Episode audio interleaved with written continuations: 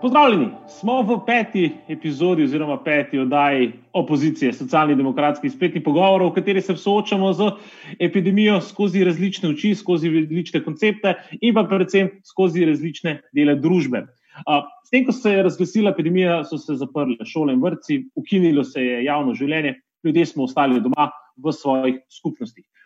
Kako se to v praksi kaže, tudi smo se morali reorganizirati kot skupnost in pri tem seveda imajo ključno vlogo prav občine, v katerih prebivamo, saj veste, ven iz svojega stalnega oziroma prijavljenega začasnega prebivališča svoje lastne občine, ene izmed teh 212, ki jih imamo, tako ali tako ne smemo. Kako so občine reorganizirale svoje aktivnosti in delovanje? Kako, kakšni so ključni izzivi, s katerimi so občine soočene na terenu? Kako jim pri tem pomaga država in kaj občine pričakujejo od države? Vesel sem, da lahko danes v naši družbi pozdravim županjo mestne občine Ptuj, Nuško Gajšek, župana mesta občine Murska sobota, dr. Alessandra Jevška, župana občine Ajdoščine, Tadeja Beočanina in podžupana mesta občine Velenje Petra Drmola. Kot vedno ste vsi vabljeni komentirati in postavljati vprašanj preko spletnih a, kanalov, kjer se proizvaja oziroma predvaja današnja vdaja, tako na Facebooku, kakor na, na Twitterju pod hashtag opozicija. Nuška, začel je pogovor s tabo in sicer, kako ste se občine prilagodile uh, epidemiji. To je nekaj novega, na tega zagotovo niste vajeni. Kako je potekalo informiranje, vemo, zaprtje šol, vrtcev, javnega življenja, tako ali drugače pomeni dodatno močno breme na skupnost. Kako ste se reorganizirali in soočili z izzivi, ki so pred vami? Je v bistvu, mi smo bili kar otisnjeni oziroma postavljeni pred dejstvo, tako kot celotna država, in smo morali odreagirati eh, skupaj z vsemi nosilci javnih eh, funkcij, pomeni tudi z direktorico doma upokojencev, vsemi ravnatelji šol, z zdravstvenim domom, lekarnami, z vsemi smo se sedli za mizo, dorekli prvi protokol, potem pa seveda je vlada dala tiste glavne smernice, eh, da se vse zapira kako se moramo organizirati.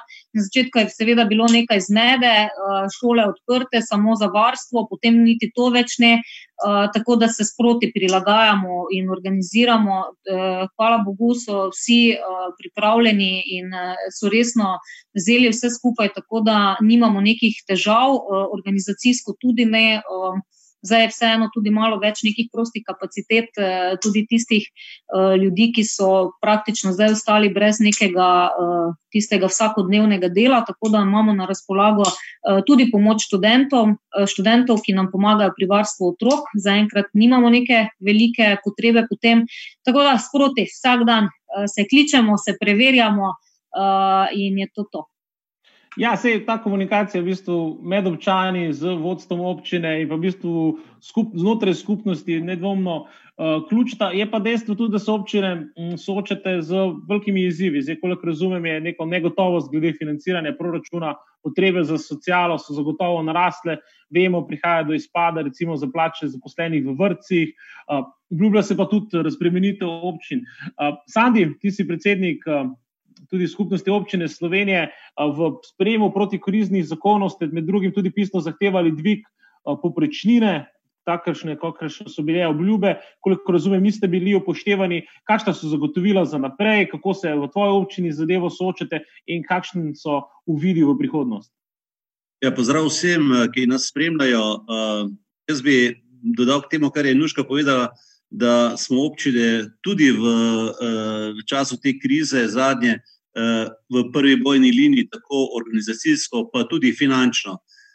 In sedaj se je pravzaprav pokazalo zopet, koliko problemov se je nakupičilo z leti, ko so se na Ministrstvu za javno upravo menjali ministri, ko so se menjali župani, ostajali so uradniki in pa problemi. In teh problemov pravzaprav je vedno več. To, kar sem je vprašal, mi smo bili prejšnjo sredo na Brdu pri Kranju, kjer smo skupaj z sedaj neko novo delovno skupino za lokalno samoupravo uh, imeli sestanek predstavniki vseh teh občinskih združenj, uh, skupaj z ministrom Koritnikom in Pečevalškom. In mi smo tam dali pripombe na obstoječi zakon COVID-1, na pripravljalni zakon, ki se pripravlja COVID-2, in pa tudi odprli številna vprašanja, ki jih nekako v rok zakonosimo že sabo skozi več čas.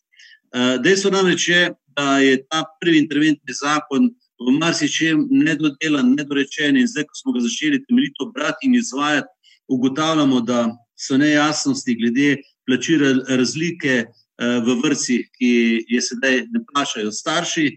Občine smo sedaj že prvi obrok tega plačila plačali, ni jasno, kdo bo sedaj plačal naslednji obrok, država pravi, da ona ni jasno kako. Osnovni problem je zelo velik problem, na katerega smo upozorili in upozarjamo, so osemdnevni plačilni roki, ki so skrajšani iz 30 dni na 8 dni za občine. In pa opozarjamo seveda tudi na uh, več ostalih stvari, ki so povezane z likvidnostnimi problemi občin. Več, ko se pogovarjamo o tem, torej celotna uh, družba se pogovarja o tem, da bo treba zagnati gospodarstvo uh, po krizi, je izjemno pomembno, da bomo občine ostale likvidne. Kajti občine imamo pripravljene projekte, uh, ki smo jih sedaj uh, nekoliko zabremzali, zaradi tega, ker se je na nivoju države financiranje praktično ustavilo. Preklicani so bili razpisi na področju investicij v šolstvo, športu in tako dalje.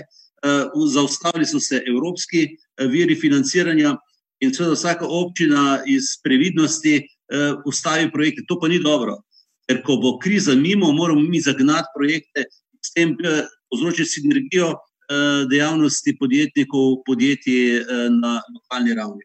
Zdaj pa, kar se tiče povprečnine, kar si me vprašal.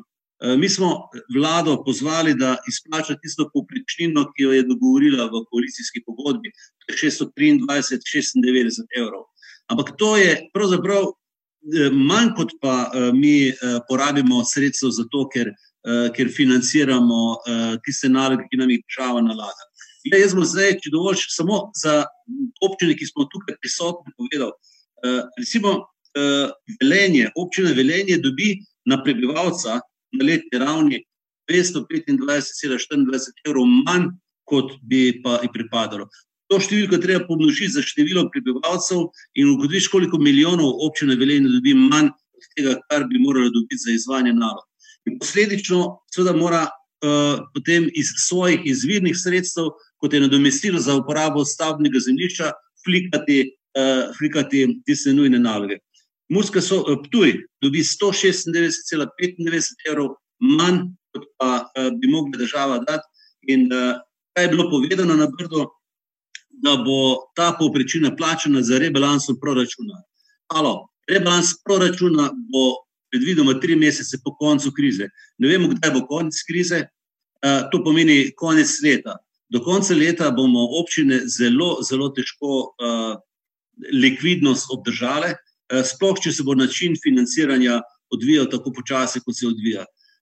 In moramo tudi vedeti to, da občine smo v tej krizi tudi se finančno izčrpavamo zaradi nabave zaščitne opreme, ki jo nismo dobili od države. Uh, občine so se morale znajti, ker je bil pritisk občanov izjemno velik, pritisk tudi tisti, ki maske potrebujejo zaradi pomoči občanov, ki jih niso dobili. Zdaj se sicer zadeva normalizira, ne? ampak uh, tudi na področju uh, neposredno povezano z reševanjem krize nastajajo že izjemni stroški. Da ne govorim, da ne kasiramo parkirnine, ker je ustavljen javni promet, tudi tukaj je dotok denarja. Skratka, likvidnost bo velik, velik problem. Ja, in ta negotovost, ko v bistvu občine ne vejo, ne vemo, kaj, kaj se bo zgodilo jutri, kako dolgo bo ta zadeva trajala, in pa seveda, kako se temu primerno prilagoditi. Peter, v Velenju ste znani kot eno najbolj, če ne najbolj solidarnih mest v naši državi. Znate se organizirati kot skupnost, znate se povezati. Hkrati ste pa tudi bili, uh, rečemo, temu imeli nek komunikacijski šum z državo v hotelu Paka, kjer se je odvila ta zgodba s karanteno, ki ste ga pa potem, kot se je izkazalo, tudi po zagotovili civilne zaščite, več kot vzorno rešili uh, in dokazali, da v bistvu znate stopiti skupaj in pomagati drug drugemu. Ja, drži, prijazen pozdrav tudi iz Velenja, vsem, ki seveda nas gledate in poslušate. Eh, Velenje je specifično mesto po prostovoljstvu, po medsebojni pomoči in tudi, ko je nastopila vsa ta kriza, je v bistvu prvi, eh, prvi pogoj, oziroma prva dejavnost, ki smo jo morali narediti, bila povezana s tem, da smo organizirali delo na domu, torej občinska uprava je šla z delom na domu, predvsem zaradi tega, da lahko vse tekoče eh, in formalne aktivnosti, ki jih lokalna skupnost izvaja, izvajamo tudi dalje. Na ta način, seveda, lahko zagotavljamo tudi eh, izplačilo denarnih pomoči in vsega, kar sodi zraven, zato da zagotoviš neko socialno varnost. Po drugi strani smo eh, seveda bili primorani, tako kot vse mestne občine in ostale občine eh, v Sloveniji, sprejeti kar nekaj ukrepov, ki so šle v korist eh, tega, da zmanjšujemo tveganje in tako naprej.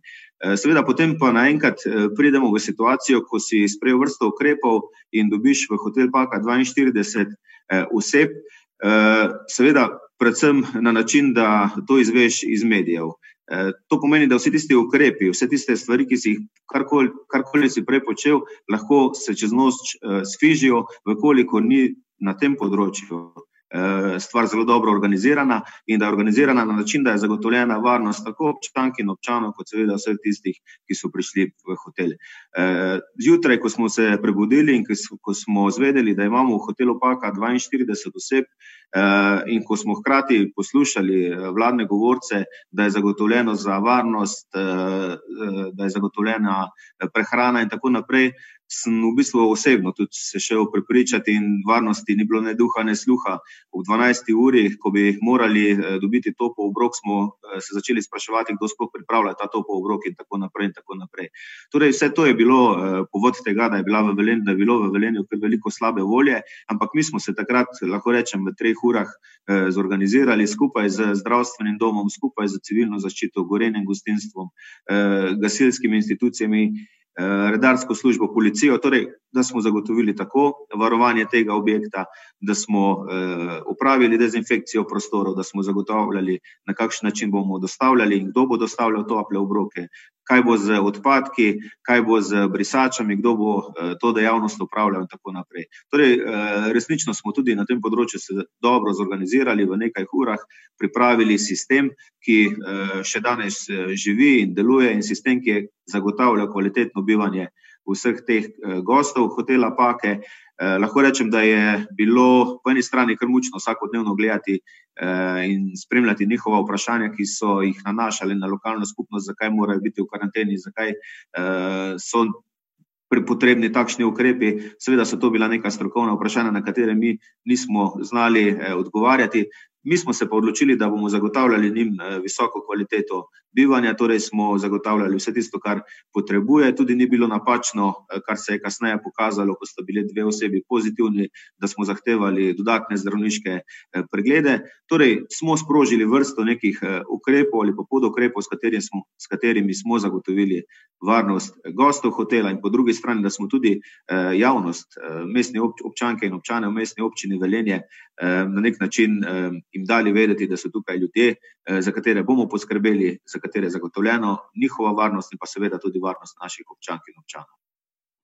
Ja, hvala, Peter. Se bom še vrnil v Velenje malo kasneje, bi pa tedaj nadaljeval s tabo in sicer danes, če se ne motim, si prevzel nekaj tisoč kosov uh, zaščitne obreme strani pobratenega mesta, mesta Ajdovščina, če, se ne, če, pa, če sem prav razumel. Se pravi, ste bile občine relativno prepuščene sami sebi na začetku z zaščitno opremo, kot je povedal Aleksandr, sedaj pa se to zadevo normalizira. Kako ste se na te stvari, kot rečeno, soočili in pripravili v Ajdovščini?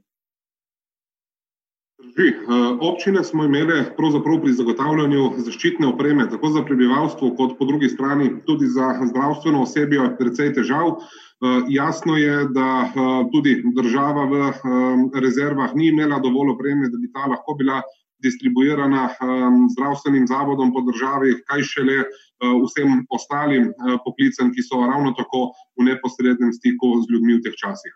Zato smo eh, v Ajdovščini pravzaprav eh, sprejeli kar nekaj ukrepov, s katerimi smo to eh, opremo skušali zagotavljati.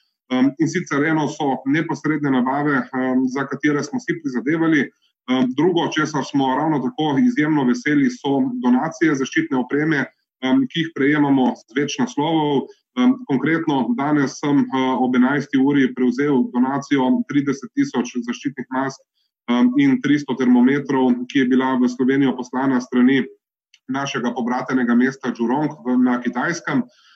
Tudi v naslednjih dneh pričakujemo še dodatno donacijo našega podjetja Pipistrel, ki je v sodelovanju s Pipistrelom Čajna Asia Pacific uspel zagotoviti še dodatnih 70 tisoč mask, ki bodo na naša tla oziroma konkretno v našo občino prispela še v tem tednu. Um, tako da smo res, bom rekel, izkoristili vse kanale, ki smo jih imeli na voljo, zato da smo to uh, zaščitno opremo za predvsem tiste, ki so na izpostavljenih mestih uspeli zagotoviti. Uh, usporedno smo pa za občane dejansko kreirali v povezavi uh, več, večjih različnih hajdovskih podjetij um, tudi, bom rekel, svojo linijo mask. Um, to so bile maske, ki smo jih poimenovali uh, UAM1. Um, in sicer uh, so to maske, ki so bile prejšnji teden distribuirane uh, po vseh gospodinstvih na našem območju. Um, doslej smo jih izdelali približno 100 tisoč kosov, uh, ciljna vrednost je pa nekje 200 tisoč kosov. Um, teh mask so pa, kot rečeno, namenjene neposredno prebivalstvu našega območja. Tudi sami smo sprejeli kar precej, bom rekel, ukrepov, ki omogočajo večjo zaščito naših prebivalcev, tudi manjše eh, izpostavljenost, manjšo izpostavljenost eh, potencijalnim okužbam s koronavirusno boleznijo 19. Tako da lahko rečemo, v bistvu, da je situacija na Edovskem kljub vsemu precej mirna, ljudje spoštujejo ukrepe in so se tudi sami, bom rekel, zelo dobro samo organizirali. Jasno, občina jim pri vseh, vsej tej samoorganizaciji nudi podporo. Če navedem še nekaj takih konkretnih primerov, Um, ko so se ljudje dogovorili, da bodo sami razpoževali skladno z uredbo vlade uh, svoje večstanovanske objekte, in je tudi občina priskrbela razpožilo uh, in še in še um, takih ukrepov bi lahko našteval. Generalno pa pravzaprav smo se na situacijo, bom rekel, res hitro in um, tudi po podatkih sodeč uspešno prilagodili. Super, hvala. Uh, Nuška, kako v bistvu računate in razmišljate o tem, da se bo vrnilo javno življenje na Ptuju. Vemo, na Ptuju ste znani potem, da imate raznolike prireditve, sicer kurentovanje ste letos uspešno spravili pod streho, pa vendar, uh, kdaj bo tista točka, ko boste lahko normalno ponovno zadihali, oziroma kako načrtujete, mora biti neki fazni prehod skladu z navodili vlade? To je zdaj eno res zelo, zelo težko in nehvaležno vprašanje, zaradi tega, ker mi se skupaj z vsemi organizatorji festivalov, ki jih na tuju ni malo in vsemi dogodki, uh, smo v kontaktu. Vemo, da zdaj prva bi bila taka večja prireditev dobrote slovenskih kmetij, ki smo jih predstavili nekako že v september. Uh, v zraku nam visi festival Arsana, v zraku je tudi Art Stays, ne vemo, kaj bo z dnevi poezije in vina, to so samo trije tisti najpomembnejši festivali na Ptuju, ki pripeljejo množice ljudi. In zdaj, če bo še vedno veljala prepoved zbiranja, če bodo potem omejitve tudi pri koncertih, pri prireditvah, eh, potem bomo imeli seveda z tega vidika veliko težavo in tudi uh, veliko škodo. Sami organizatori festivalov, sam turizem. Uh, mesto pa tudi kot tako, vsi se borimo za to, da mesto oživljamo, uh, tu je nekako pregovorno, uh, že skoraj postal mesto duhov in zdaj se res smo se trudili zadnja leta, da smo to obračali kontra, nam je že začelo uspevati eh, s pomočjo že naštetih festivalov, zdaj smo pa spet pred tistim, česar smo se najbolj bali, praznih ulic. Uh, in uh, je, bo, bo zelo zahtevno obdobje pred nami. Jaz vem, da vsi ti vodje teh festivalov niso polovičari ali bodo delali stvari tako, kot treba, ali pa jih ne bodo. In mene je zelo strah, da na koncu teh festivalov niti ne bo, kar bo pustilo nepopravljive posledice, seveda, na samem eh, kulturnem utripu našega mesta. Uh, kaj točno pa bo, pa jaz iz tem trenutku zelo težko napovedujem. Vsekakor pa, če poslušamo napovedi o postopnem odpiranju, o prepovedi dopustov, o omejevanju ne vem česa vsega, Eh, potem se bojim, da še bomo v septembru imeli težave z, z organizacijo takšnih in drugačnih dogodkov. Ja, no, sej, mogoče bomo malo več obiskali terme, tudi letos poleti, bomo videli, kakšna bo situacija. Ne. Tudi v Konicah, recimo, ne, zdaj, kolegi, recimo, ki organizirajo Koniški maraton, so napovedali, da bodo s pripravami normalno na, nadaljevali, pa gre za dogodek, ki je planiran šele za september. Uh, Sandi, ti pa, kot razumem, uh, se ne boš pustil in prvomajski, prvomajski mlaj bo stal letos sredi Murske sobote, ne glede na okoliščine. Ki ga bomo postavili tako kot vsako leto, ker je to tradicija, ker je to praznik delavstva in ta mlaj bo postavljen.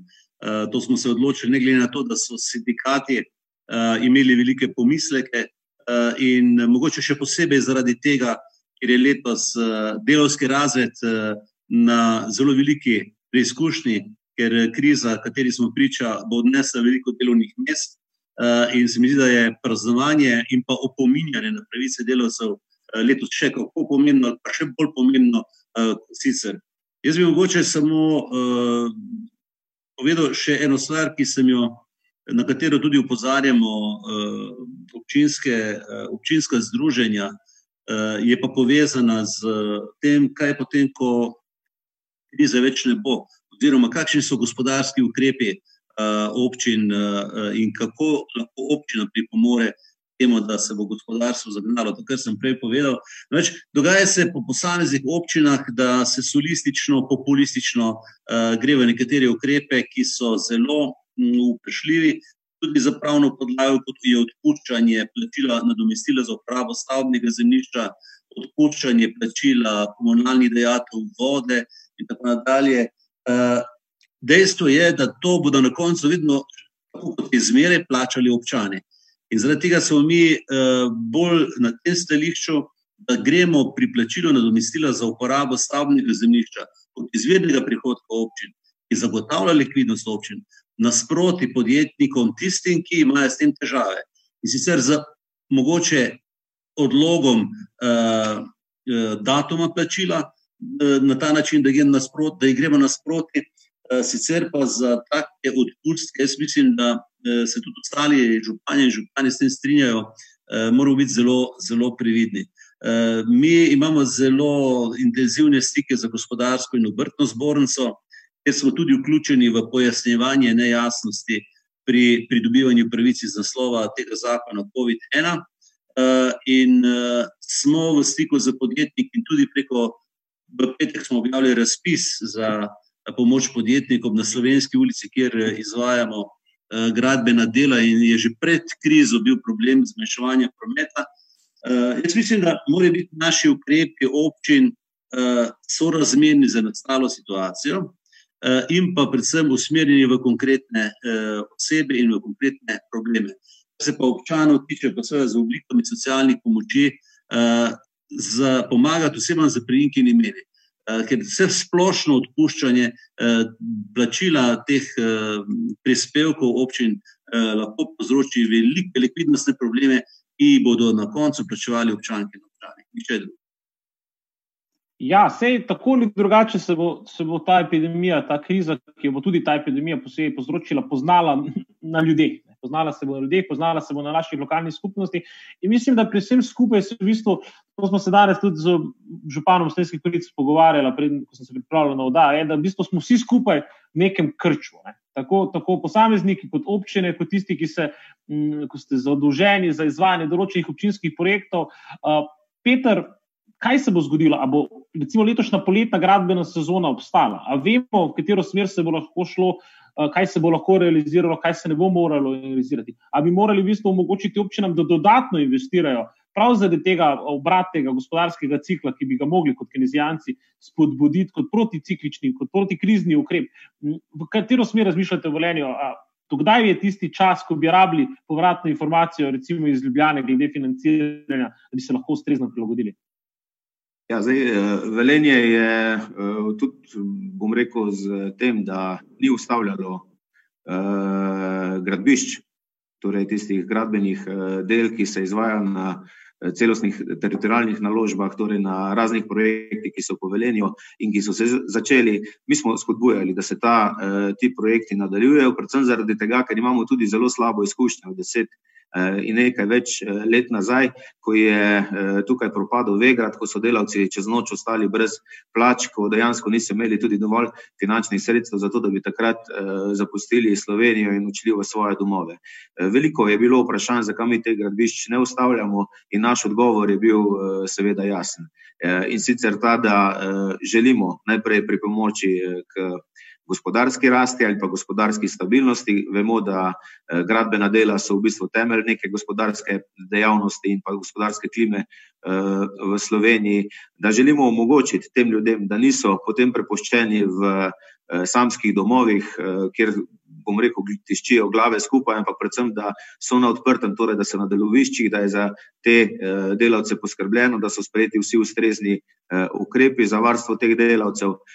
In pa seveda, da poskušamo tista nepovratna sredstva, ki so v tem trenutku na razpolago, tudi počrpati. Torej, naše, naše izhodišče je bilo to, da tista uh, gradbena dela, ki smo jih začeli izvajati, ne eh, ustavljamo, da istočasno pa ne pričenjamo z novimi gradbenimi deli, dokler ne pride, seveda, eh, nekoliko jasnejša slika, kaj se bo v Sloveniji dogajalo. Verjetno je eh, meni ljuba ta spodbuda, no, da gospodarstvo poskušamo spodbujati, da mu poskušamo pomagati, ker konec koncev, če ne bo gospodarske aktivnosti, potem ne bo prihodkov, potem ne bo eh, dovolj finančnih sredstev za eh, plače in tako naprej. Jaz se bojim, da bodo ljudje potem eh, padli resnično v neko socialno stisko, eh, iz katere se bomo pa zelo, zelo težko eh, izvlekli. In je seveda največje vprašanje dan danes res eh, to, na kakšen način eh, iskati to kohezijo med ukrepi, eh, vsemi ukrepi, ki so sprejeti za blaženje teh posledic, istočasno pa seveda, da spodbujamo tudi eh, gospodarstvo v Sloveniji. Ja, sej, kriza tudi, pa ne bom rekel kot neka dobra priložnost, ampak vendarle kot izziv, s katerim se moramo soočiti.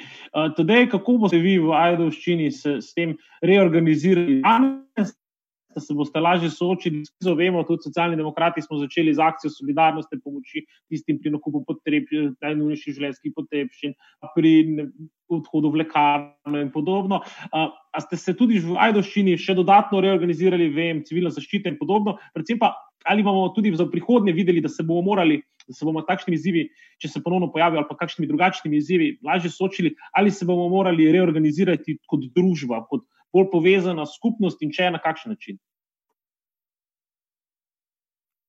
Drži, da je eh, čas, v katerega smo bili vsi skupaj porinjeni, eh, prinesel marsikateri izziv, eh, ki pa je po drugi strani odprl marsikatero rešitev na izzive, ki so se pojavili. Kot sem prej naprimer omenil, so se na našem območju ljudje izjemno dobro samoorganizirali, Um, tudi solidarnost med ljudmi se je izkazala, bom rekel, uh, na, kot na zelo visoki ravni. Uh, samo inicijativno so določena podjetja začela skrbeti za socialno ogrožene, kjer prej, naprimer, sploh um, tega niso uh, počela.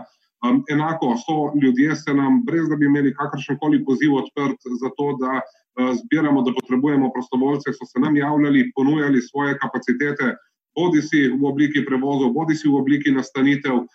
Torej, ljudje, kar so imeli na voljo, so dejansko ponudili, bom rekel, drugim svojim soobčanom za namen spopadanja s to krizo.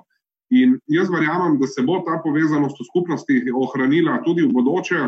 Ne samo, da verjamem, jaz si tega tudi izjemno močno želim in tudi konc koncu ukrepi, ki jih bomo kot občina peljali v bodoče, bodo šli v tej smeri.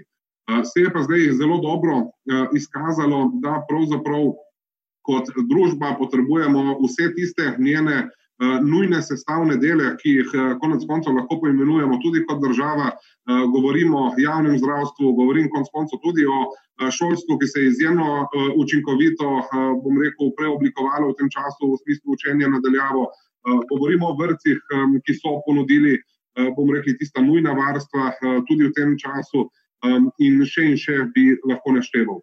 Uh, pri tem pa seveda tudi vse uh, nevladne organizacije, ki opravljajo, uh, bom rekel, tudi plemenito delo, te bodi si, da razdeljujejo pomoč na terenu, bodi si, da skrbijo za obveščenost občanov, um, bolj specializirane, nudijo, bom rekel, tudi psihosocialno pomoč tistim, ki so v stiski v teh trenutkih.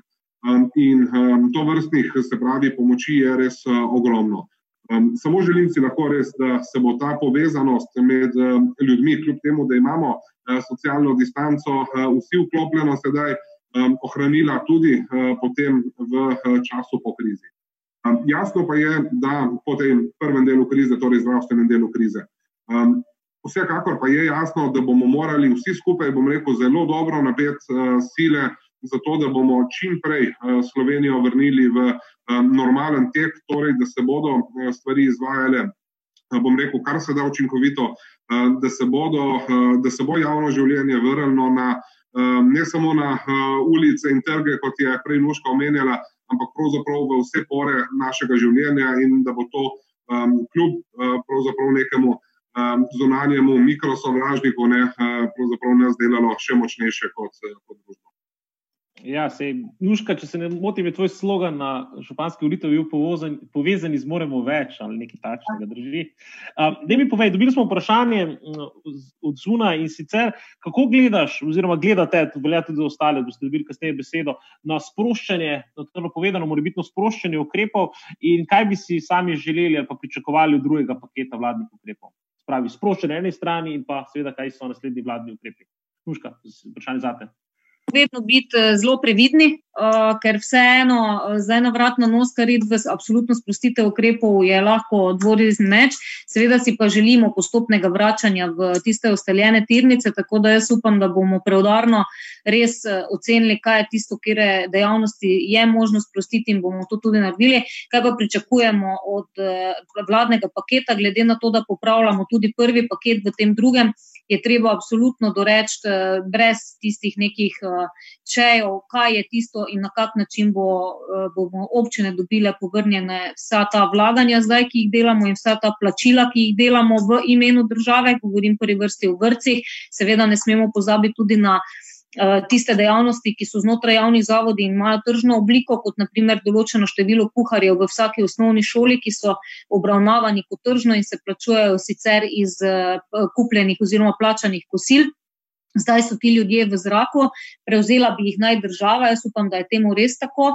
Eh, potem eh, naslednja stvar je, eh, tu smo pač govorili predvsem z turističnimi delavci, ampak dejstvo je, da ljudje, ki ne upravljajo svoje dejavnosti, sploh če vzamemo vem, en hotel, posebej če je manjši hotelček v privatni lasti, mi jih imamo teh kar nekaj, ali pa te sobe nastanitvene, ko je edina in primarna dejavnost, ti ljudje dobivajo položnice čisto normalno, normalno, da se niso odrekli ne vodi, ne elektriki in položnice prihajajo seveda na nas naslavljajo takšne in drugačne pozive za oprostitev plačil, mi vsega tega, kot je že tudi Sandi rekel, ne zmoremo.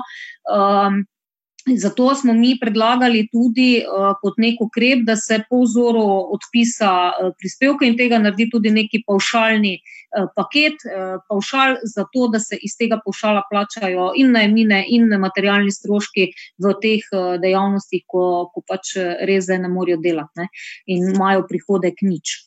Eh, drugo pa je, kar mi, mi občine pač lahko pomagamo, to bomo, ampak treba je vedeti, da to delamo absolutno in izključno na račun investicij. Uh, mi tekoče porabe imamo tako ali tako, koliko je imamo, uh, neki rebalans bo, nekega drastičnega nižanja javne porabe. Mislim, da smo vsi dokaj racionalni v občinah in dva, denar trikrat obrnemo, preden ga sprostimo. Tako da smo tudi tu zelo omejeni in če smo zdaj vse rezerve porabili za zaščitno opremo in za vse to, potem je treba vedeti, eh, da ne moramo ljudem obljubljati, če ne vem, kakih odpustkov v takšnih in drugačnih obliki in da za to bo morala poskrbeti država in to je tisto, kar od države tudi pričakujemo, da bo pravilno naslovila še v tem drugem paketu vse te eh, stvari, ki so ostale zdaj odprte in še nimajo odgovora. Predvsem si pa želimo poenostavitev postopkov, ker zdaj, koliko dobivamo pač informacij iz terena in kaj se nas ljudje sprašujejo, um, so nekatere zadeve res zelo zakomplicirane, in potem uh, smo mi še toliko večji zagati, ker jim enostavno ne znamo pomagati.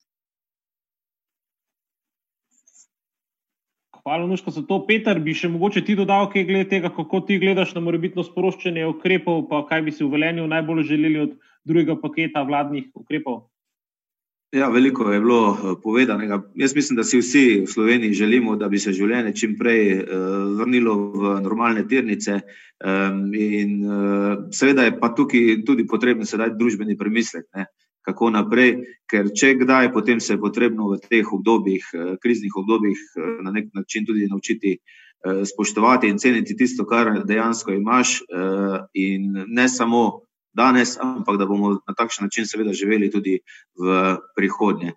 Zdaj, eh, mi si želimo postopnega sproščanja, bi pa pri tem resnično morali biti vsi skupaj zelo previdni. Mi smo bili tudi eni tistih, rečemo, ko smo uh, zaprli uh, našo tržnico, pa zdaj že 14 dni razmišljamo, na kakšen način to tržnico seveda nazaj aktivirati.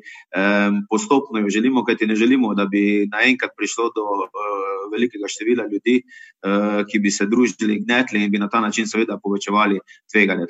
Vsak ukrep, ki ga bomo izvedli, je potrebno izvesti resnično premišljeno. Mislim, da tisti ukrepi, ki jih bomo znotraj lokalnih skupnosti sprejemali, bodo takšni, verjamem in želim si, da bodo tudi na ravni države takšni. Si pa ne želim tega, da bi ljudem obljubljali, da bomo s ponedeljkom odprli ne vem kakšne servise, kaj, kaj vse, potem pa pride ponedeljek in seveda rečemo, da še ne bomo sedaj odprli, da bomo s tem še nekoliko počakali. Tukaj gre seveda za neko negotovost vseh teh podjetnikov, obrtnikov, ki konec koncev delujejo v našem okolju in ta negotovost se potem odraža tudi v družbeni miselnosti. Kar se tiče covida-dva, se pravi vseh teh ukrepov, zakonskih ukrepov, je čas, da seveda v tem drugem delu zakona pridejo v ospredje tudi lokalne skupnosti.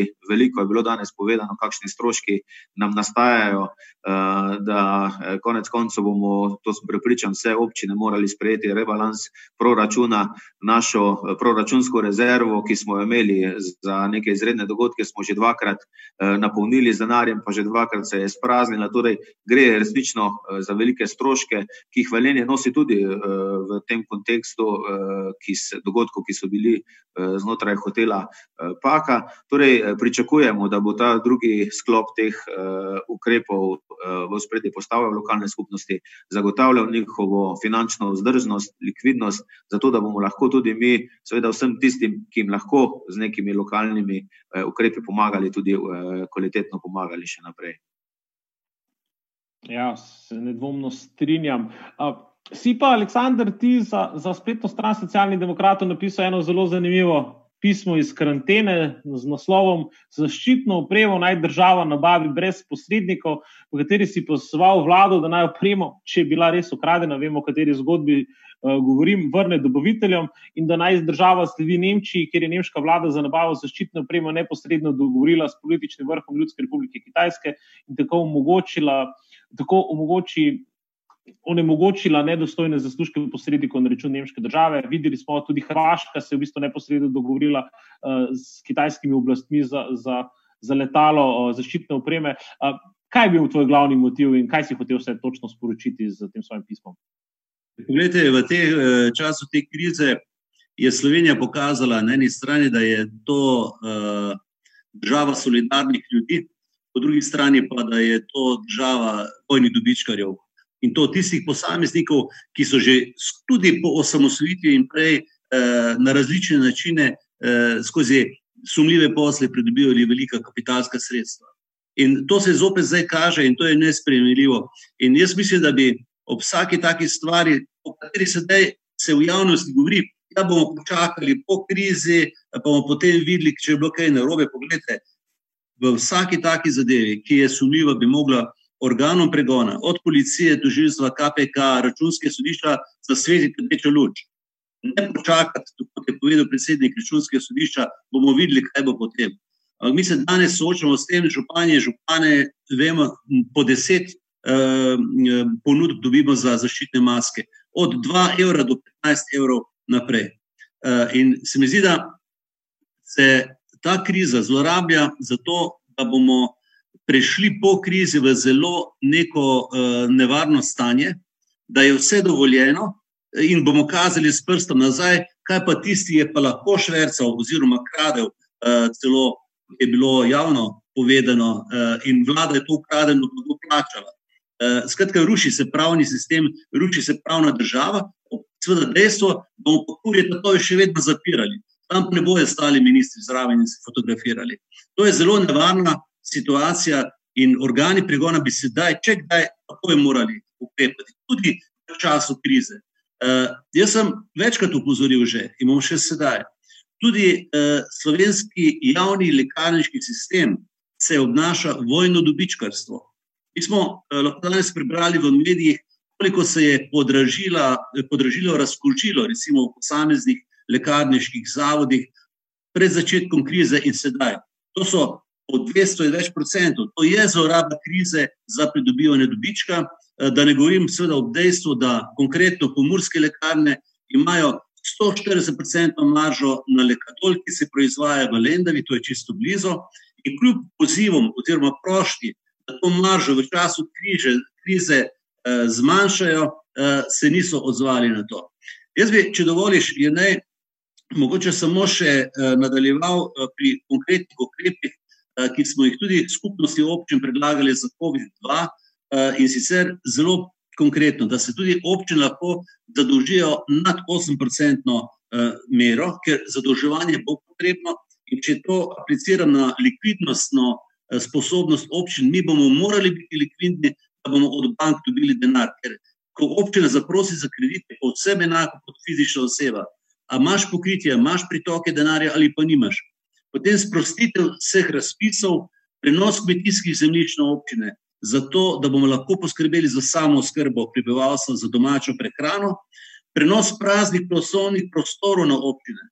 Veliko je praznih poslovnih prostorov v lasti države, ki naj se za božjo voljo enkrat prenese na občine, ker mi vemo, kaj bomo uh, s tem počeli. In pa na koncu, kar je zelo pomembno, sprostiti je potrebno uh, mehanizem uh, celotne kohezije. Ne komplicirati in uh, v bistvu ustrajati pri teh birokratskih preverjanjih, ki trajajo mesece in mesece, ker občine nimajo denarja več, da bi zalagale in plačevale izvajalce ampak rabimo denar od države takoj. Ker, kot je povedal prej, Peter, tudi v mestni občini Mudska sobota izvajamo tiste projekte, ki imamo podpisane pogodbe, pri ostalih pa smo zategnili ročno, ker ni denarja iz države, nimamo zagotovil, da, bodo, da bo država plačala to. Eh, in se mi zdi, da ta krč je potrebno ne mudoma, ne mudoma sprostiti. Kar se pa tiče uh, omejitvenih ukrepov, samo to še povem do konca, pa je moje stališče tako, da je posploševanje omejitvenih ukrepov na celotno državo, zaradi tega, ker so v posameznih turističnih eh, centrih v nekem vikendu eh, ljudje kršili eh, odredbo države, eh, po moje, eh, po moje pre, pregrob poseg. In da je potrebno tudi pri sproščanju teh omejitvenih ukrepov, prehajanje iz ene občine v drugo, iti postopoma nazaj in obdržati te ukrepe tam, kjer je kršitev eh, največ in tam, kjer se kršitev dejansko dogaja. Poglejte, ljudje tukaj v Prekmorju imajo kmetije, imajo uh, vinograde in se ukvarjajo z velikimi problemi prehajanja z ene občine v drugo. Vse odredba pravi, da je to možno. Preprosto človek se pač ustraši in uh, ne gre, oziroma se sprašuje, uh, kako in kaj. Ja, sej, Iz tega smo tudi socialni demokrati, naša poslanska skupina, če spomnimo, dala na vlado pobudo, da se ta nesmiselna omejitev na eno občino vendarle ukine. Jaz sem jo ponazoril s tem, da nekdo iz slovenskih konic, ko gre zreče na tržnico, res ne rabi imeti občutka, da je kriminalec. Nuška, pri tebi pa, če se ne motim, tudi okoli Ptujskega jezera ne moreš šiti, če ne bi ene tri občine. Prečkal, Tako da v bistvu je tak nek beg, pobeg okoli Ptujskega jezera, če hočemo gledati ne smeš, ker greš čez tri občine. Da, Kako ti gledaš na ta ukrep omejitve na jaz, eno občino? Jaz se strinjam, najmanj kar je, če je že potreben, potem se mora konkretno omejiti tam, kjer so bile težave, tam, kjer je bilo. Mi, konec koncev, Ptujska občina je razparla na 16 občin, torej pomeni, da je to bil teritorij zdajšnjih 16 občin in točno to, kar je Sandi rekel, ljudje imajo vrtove, imajo vinograde, imajo sadno drevje, imajo ja, tudi vikende, seveda se to sodi k temu, ampak če se tam z nikomer ne družiš, če upoštevaš vse te ukrepe, jaz res ne vidim smisla v tem, da se to omejuje. Meni osebno pa je zelo boleč in zelo. Um, Jaz mislim, da je bil sicer verjamem v dobro namernost ukrepa, ampak nepremišljen uh, ta medgeneracijsko uh, delitev ljudi na stare, mlade, uh, invalide, ne vem kaj. Mislim, meni se to ne zdi smiselno. Jaz bi veliko prej in raje podprla ukrep štetja ljudi, deset noter, deset ven. Eh, ne pa da zdaj ljudi silimo, da morajo kupovati v točno določenih urah. Eh, morate vedeti, da upokojenci, čeprav pregovorno so eh, verjetno budni prej kot petelini, ampak ni, ni res. Ne. Oni imajo svojo jutranjo rutino. Mogoče se bo zdelo zelo banalno, ampak marsikateri od njih ima kar nekaj tablet, ki jih je na določeno uro, zato ker jih ne sme mešati in so praktično nared, da lahko grejo po nakupih šele po deveti uri, potem pa še je tu seveda treba prišteti, da niso vsi mobilni, da so nekateri malo bolj počasni, da imajo mogoče tudi oddaljeno. Poleg tega pa marsikateri rabi pomoč tudi pri nakupovanju uh, vnuka ali mogoče soseda, ki je pa spet generacijsko v nekem drugem uh, predalčku in potem tega nakupa ne smete skupaj opraviti. Meni se to zdi nesmiselno in jaz bi v prvi vrsti že takoj danes ta ukrep odpravila uh, in dala ljudem vseeno toliko svobode, da svobodno odločajo o tem, kdaj, ob kateri uri bojo kupovali, ker naletimo na še eno bizarno, to pa je čist uh, lastno. Nas se trgovine odprejo ob 8, eh, torej prvi dve uri lahko kupujejo samo upokojenci, vsi tisti, ki pa hodimo še na delo, pa si niti malce zjutraj ne moremo kupiti do 10. ure, kar je pa spet svoja vrstna težava za vse tiste, ki delajo po terenu in potem niti do trgovine ne pridejo. Ne. Potem imamo spet ljudi, ki delajo med 8 in 4. Pa se vozijo še ne vem, kam drugam, in potem sploh nakupa tisti dan ne morejo opraviti. Tako da ta, ta ukrep bi jaz zredirala takoj. Ja, sej, v bistvu se vidimo, da se z različnimi izzivi moramo soočiti, tudi zaradi prilagajanja vprašanjem epidemije. Tedej, a se na vas na občino, recimo, po, posebej po, povečano obračajo občani z nekimi pobudami, prošnjami, z željami za pomoč, imate telefonsko linijo odprto, na kakšen način se v bistvu odzivate na, na, na, na to, kar se dogaja na terenu med občani? Občina smo eh, res vzpostavili kar nekaj eh, telefonskih številk, eh, ki so namenjene pomoči občanom v tem času. So pa te telefonske številke različne, glede na to, za kakšen namen občanke in občani želijo stopiti v kontakt z silami v okviru zaščite in reševanja.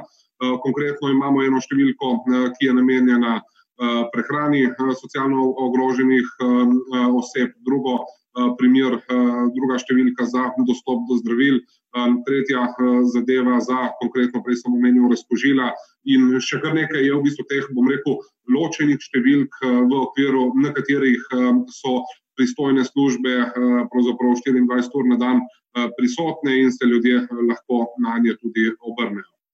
Mogoče še eno mnenje okrog samega samih ukrepov. No, prej se je šla, da bi je šla debata tudi nekoliko v tej smeri. Uh, moram reči, da eh, jaz osebno veliko večino teh ukrepov, ki so bila sprejeta strani države, spoštujem in tudi mislim, da so pravilne. Konec koncev tudi te, o katerih je bilo govora na zadnje, da se za starejše omogoči nek termin v trgovinah, ko imajo pravzaprav samo oni vstop Eh, mislim, da je na mestu. Jutranji termin je logično posledica tega, da um, so takrat trgovine najbolj čiste uh, potencijalnih virov okužb. Um, jasno je namreč, da so um, od prejšnjega večera tudi ustrezno poštivane. Namreč vsi ti ukrepi, vključno z gibanjem med občinami in podobno, strmijo k temu, kar je Sloveniji, bom, po moji oceni, uspešno uspelo, da uh, ne pride do tiste špice, ko pravzaprav zdravstveni sistem Um, ne bi uspel več, um, bom rekel, zelo učinkovito svoje naloge opravljati, torej zdraviti vseh tistih, ki zdravniško pomoč potrebujejo. In ukrepi, sam jih tako vidim, pravzaprav sledijo temu cilju.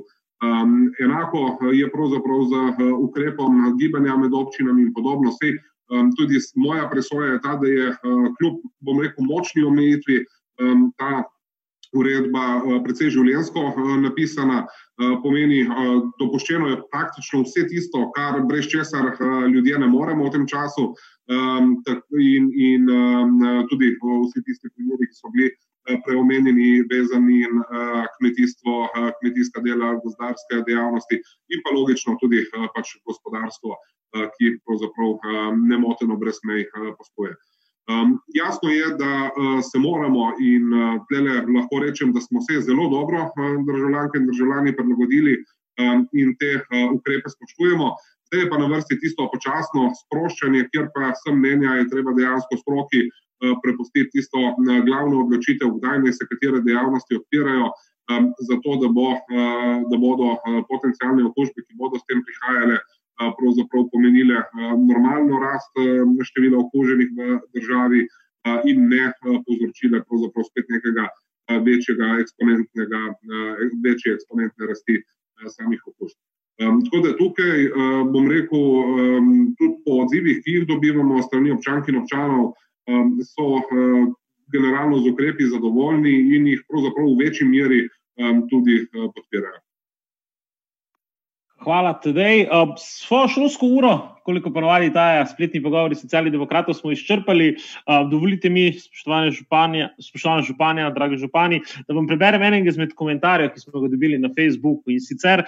Uh, izjemne pohvale vsem županem in županom slovenskih občin, izvajate kakovostne ukrepe, mirite ljudi in še dodatno podarite občutek skupnosti v teh časih. Hvala vam za delo, ki ga upravljate na terenu, hvala vam za vašo požrtovalnost, hvala tudi vašim sodelovkam in sodelovcem. Upam, da je današnji spletni pogovor socialnih demokratov opozicija, vendar le veste, kdo je opozicija, to smo mi danes tukaj in tudi sicer socialni demokrati. Še dodaten aspekt soočenje z epidemijo pokazal. Odprli smo in tudi zaprli kar nekaj pomembnih vprašanj o tem, kako se moramo kot družba in kot država soočiti z epidemijo v prihodnje. Hvala vam vsem za sodelovanje v današnjem pogovoru.